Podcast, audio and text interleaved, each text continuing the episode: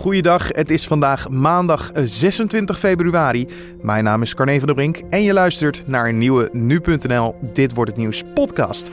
In deze podcast praten we je natuurlijk weer bij over het nieuws van afgelopen nacht, maar ook natuurlijk over wat er vandaag gaat gebeuren. We gaan vandaag bijvoorbeeld aandacht besteden aan de nieuwe Samsung S9 en de Formule 1 testdagen in Barcelona. Maar eerst kijken we kort terug naar het belangrijkste nieuws van afgelopen nacht. Bij een grote explosie gisteravond in de Britse stad Leicester zijn zes gewonden gevallen. Een kleine supermarkt en een bovenliggende woning zijn verwoest. Twee van de zes gewonden liggen in kritieke toestand in het ziekenhuis. De politie zei dat er geen indicatie is dat de explosie gelinkt is aan terrorisme. In het Groningse Oldenkerk is gisteravond vogelgriep van het type H5 vastgesteld bij een pluimveebedrijf. Het bedrijf wordt geruimd om verspreiding van het virus te voorkomen. Het ministerie van Landbouw, Natuur en Voedselkwaliteit meldde dat het om 36.000 vogels ging. Voor innovatie komt dit jaar 75 miljoen euro beschikbaar. Dat laat staatssecretaris Mona Keizer van Economische Zaken vandaag aan de Tweede Kamer weten. Het extra geld is bestemd voor versterking van de innovatiekracht van het midden- en kleinbedrijf, zo'n 18 miljoen. Het bevorderen van samenwerkingen tussen bedrijven, kennisinstellingen en overheid, 15 miljoen. En voor toegepast onderzoek, zo'n 42 miljoen. En dan kijken we naar het nieuws van vandaag, oftewel, dit wordt het nieuws. Gisteravond werd de Samsung Galaxy S9 op de Mobile World Congress in Barcelona aangekondigd. De Mobile World Congress is de grootste beurs op het gebied van smartphones en tablets. Veel fabrikanten reizen naar Barcelona af voor de presentatie van verschillende nieuwe producten. Waaronder ook onze NuTech-collega's. Wij vroegen aan NuTech-redacteur Bastiaan vroeg op wat hij verwacht van de Samsung Galaxy S9. Als je naar de S9 kijkt, van buiten ziet hij er eigenlijk niet zo heel erg veel anders uit dan wat we met de S8 vorig jaar zagen.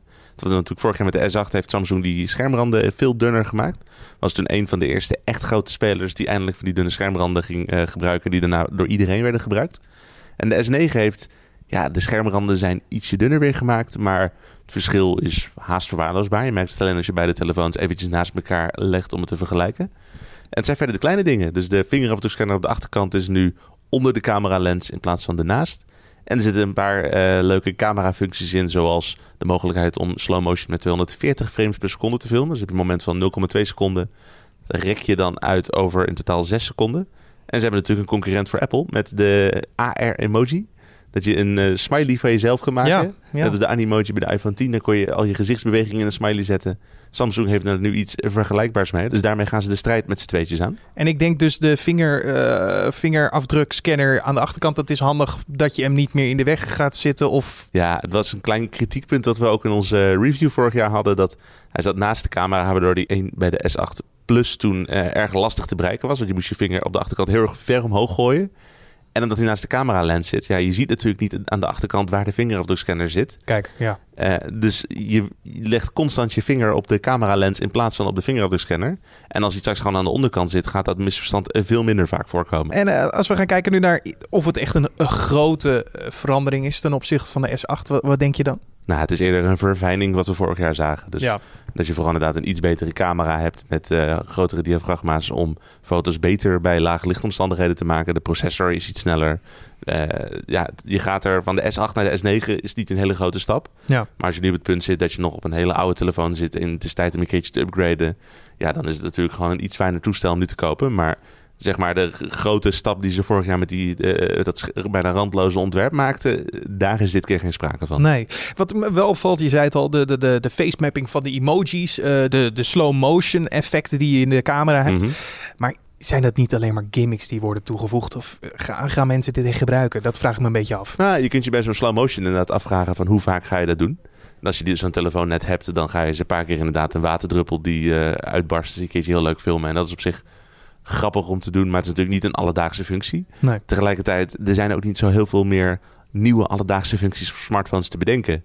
Dus het zit soms wat in de gimmicks, maar voor hetzelfde geld waarvoor je waarschijnlijk anders een uh, telefoon had gekocht zonder die gimmick zit het erbij. Dus ja, waarom dan niet? Ja, precies. Dan gebruik je het in een keer. En als je het heel veel gebruikt, net zo goed hoor, denk ik. Maar ik, ik ben gewoon heel erg benieuwd of, of er dan wel op een gegeven moment weer nieuwe vernieuwing komt. Zoals toen de tijd met de iPhone, uh, de iPhone 4, uh, met de Samsung-serie, mm -hmm. de Galaxy.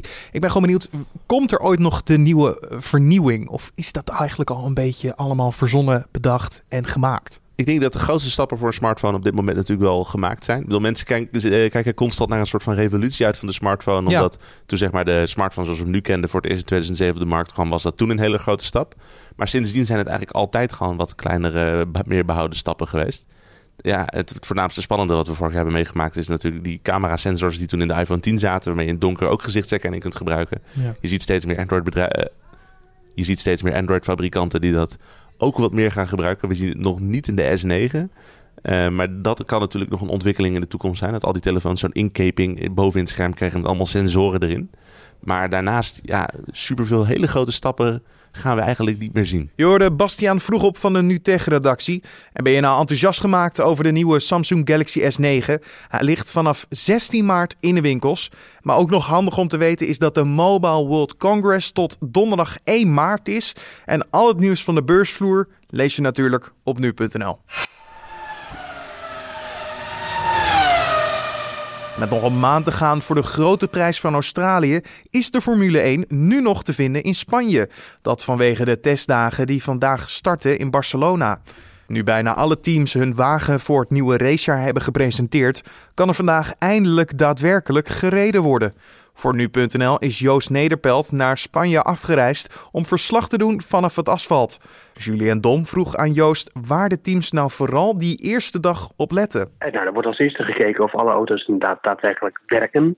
Uh, nou moet ik zeggen dat veel teams al, uh, al even gereden hebben met een auto. Dat, dat mag dan op een zogenaamde filmdag. Dat is reglementair toegestaan om voor, ja, dat is dan officieel voor promotionele doeleinden een uh, aantal ronden te rijden op een circuit dat daarvoor geschikt is uh, met een auto. Mm -hmm. dat heet dan een filmdag, maar dat wordt meestal gebruikt voordat de eerste test begonnen. Ah, okay. beginnen om te kijken of een, of een auto al wel goed functioneert. maar de eerste testdag zal vooral gaan over ja, het functioneren alle systemen goed. Uh, dat, dat heeft met aandrijving, met de motor, met alles met dat uh, te maken. Of alles goed, uh, goed in elkaar zit eigenlijk. Ja, en op zo'n testdag zie je dan ook wel eens hele vreemde, bizarre constructies om een auto heen. Ja, wat proberen ze daar allemaal mee te doen? Het lijkt alsof ze gewoon ja, de internationale televisie willen ontvangen onderweg. ja, nee, dat, dat zijn dan rekken eigenlijk vol met meetinstrumenten. Vooral instrumenten die de luchtdruk meten op een bepaald punt. en daarmee testen ze of alle aerodynamica goed werkt of waar eventueel nog het terrein uh, ligt om, uh, om te winnen. Uh, en ja, dat is een goede manier om dat te meten. Dat doen ze normaal natuurlijk ook in de windtunnel, maar het is wel altijd weten of het in de praktijk ook zo werkt. En daarom, ja, meten is weten is echt het, het adagium voor alle Formule teams. Hebben ze dan nog wel tijd om iets aan te passen? Want ja, ik bedoel, de eerste race staat al op de agenda over een maand. Eh, nou, het is niet zo dat ze grondige dingen nog aan kunnen passen voor 25 maart als de eerste race is. Maar uh, veel dingen zijn nog steeds in ontwikkeling. En McLaren heeft al aangekondigd om met een complete update van een aantal aerodynamische onderdelen te komen voor 25 maart. Dus ja, dat, als er echt iets niet klopt, dan kunnen ze voor die tijd nog proberen om wat te maken. De, geen grote dingen, maar de, een voorvleugel zou misschien nog kunnen. Want die zijn sowieso allemaal al in ontwikkeling bij de topteams. Dus er zit al wat nieuws, nieuws, aan te komen bij alle teams. En ja, dat kunnen ze dan nog bijsturen als dat nodig is bijvoorbeeld. Dus vandaag is eigenlijk ook een beetje de dag dat ze weten of ze wel of niet een groot probleem hebben daar in maart. Nou, een groot probleem, dat komt heel weinig voor. Uh, uh, het is wel eens zo dat teams echt uh, volledig de plank misslaan. Maar grote topteams, ja, die kunnen al in zoveel mate in de fabriek met, met in de windtunnel en allerlei andere simulatoren kunnen ze testen of het werkt. Dat een groot probleem. Ja, dat, dat komt niet heel vaak voor. Vorig jaar had Red Bull wel een probleem, dat, een correlatieprobleem. Toen bleek dat de data in de windtunnel niet, over, niet overeenkwam in de, met wat er in de praktijk gebeurde. Dat is natuurlijk mm -hmm. wel een Mhm. groot probleem. Ja. En daardoor uh, had Red Bull vorig jaar wel een kleine achterstand. Maar ja, dat, soort dingen komen bij topteams zeker niet heel vaak voor. Nog eventjes die auto van de Red Bulls. Ze hadden hem eerder aangekondigd, maar de kleuren die zit, komen er toch iets anders uit te zien. Zien we nou vandaag eindelijk de definitieve versie? Ehm, ja, de, de, livery, zoals dat heet, die was uh, volgens Red Bull zelf echt alleen voor de, voor de presentatie. En, de, en dus wat ik eerder vertelde, dat hij zo'n filmdag, dat heeft Red Bull dus ook gedaan. Dus Ricciardo heeft op de dag van de presentatie gereden op uh, Silverstone. Trouwens ook even gecrashed op Silverstone, zonder hele grote schade. Mm -hmm. uh, maar Red Bull liet het zelf zo weten dat dat de enige momenten waren waarop die auto die kleur had. En dat maandagochtend van de eerste testdag de nieuwe kleuren voor het komend seizoen. Wat waarschijnlijk gewoon de ouderwetse uh, blauw, uh, geel en uh, rood zal zijn. dat die dan gepresenteerd zou worden. Of in ieder geval dat die auto daarin getooid zou zijn maandag. Maar Red Bull blijft Red Bull. Is altijd een beetje een wispelturig team. Dus zeker als er een beetje een hype ontstaat rondom die, die, die testkleurstelling die er dus was. Zou het best kunnen dat hij dat die, vandaag al rijdt in de, nog rijdt in de blauwe grijze tinten die tijdens de presentatie erop zaten. Dat, dat zullen we moeten zien. Maar als het zo gaat zoals ze het aangekondigd hebben, dan rijdt hij, dan rijdt hij vandaag in de kleuren waarin hij het hele seizoen zal rijden. Joost, jij bent natuurlijk in Barcelona. Hoe dichtbij mag je komen bij de coureurs, bij de auto's, bij Max Verstappen? Ja, um, als hij aan het rijden is natuurlijk, uh, op, daar zitten wij in het pitgebouw of op het pitgebouw of langs de kant van de baan ergens. Maar uh, uh, het is niet zo dat we in de, in de pitboxen mogen kijken bij de auto's, want er wordt best wel wat een en ander geheim gehouden. Dus al wil je wat van dichtbij zien, dan moet je al in de pitstraat staan. dan kun je de auto's echt wel redelijk dichtbij bekijken. Dat zal Joost Nederpelt dan natuurlijk ook proberen voor ons. Meer over de testdagen lees je op nu.nl en vanzelfsprekend doen we ons best om de komende dagen ook een interview met Max Verstappen op de site te krijgen. En dit gebeurt er verder vandaag nog. De Nederlandse Olympiërs keren terug uit Pyeongchang en worden feestelijk onthaald in het Olympisch Stadion in Amsterdam. De ploeg die 20 medailles pakte, wordt om 6 uur s avonds gehuldigd op een podium. Al zullen niet alle medaillewinnaars aanwezig zijn. Bijvoorbeeld de lange baansprinters, onder wie tweevoudig Olympisch kampioen Kjeld Nuis, blijven in Azië voor de WK Sprint. De huldiging zal dus vanavond om 6 uur plaatsvinden. En je kan er natuurlijk ook live naar kijken via NPO 1 om 6 uur. Inwoners van Sint Maarten gaan naar de stembus om een nieuw parlement te kiezen. De verkiezingen zijn uitgeroepen nadat de regering van voormalig minister-president William Marlin in november vorig jaar naar huis werd gestuurd door het parlement. Dit omdat hij weigerde de voorwaarden van Nederland te erkennen voor het leveren van noodhulp. En daar kijken we waar onze collega's vandaag over schrijven. Veel bestrijdingsmiddelen die in de landbouw worden gebruikt zijn niet nodig om te kunnen blijven produceren. Dat blijkt uit een studie die vandaag wordt gepresenteerd, zo schrijft Trouw. De onderzoekers tonen aan dat er genoeg milieuvriendelijke alternatieven zijn, waaronder geen gebruik meer gemaakt hoeft te worden van bijengif en fipronil, dat vorig jaar in eieren werd aangetroffen. Bruidsparen die in gemeenschap van goederen gaan trouwen, hoeven voortaan niet meer naar de notaris om alles vast te leggen. De Telegraaf meldt dat de minister van Rechtbescherming, Sander Dekker, vandaag met een wetsvoorstel komt waarin staat dat stellen die in gemeenschap van goederen gaan trouwen, een verklaring bij de ambtenaar van burgerlijke stand kunnen aanvragen waarmee ze niet meer alles hoeven vast te leggen.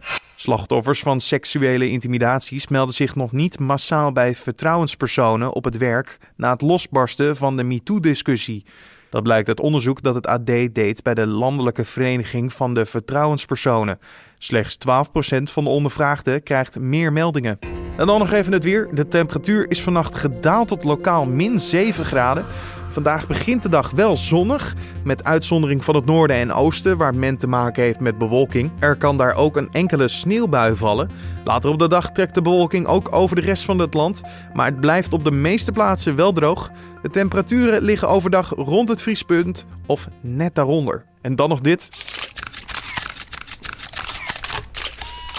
Even tijdens de wintersportvakantie op de Kiek. Dat is vaste prik in de koninklijke agenda.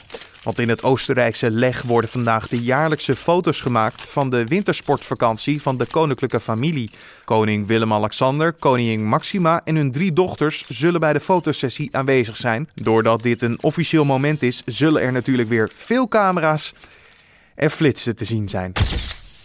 Dit was dan de Dit wordt het nieuws podcast voor deze maandag 26 februari.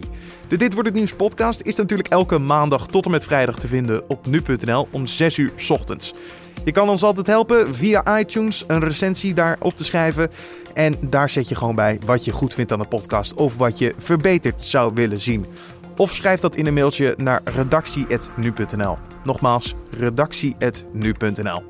Voor nu wensen we je natuurlijk altijd een mooie dag en tot morgen.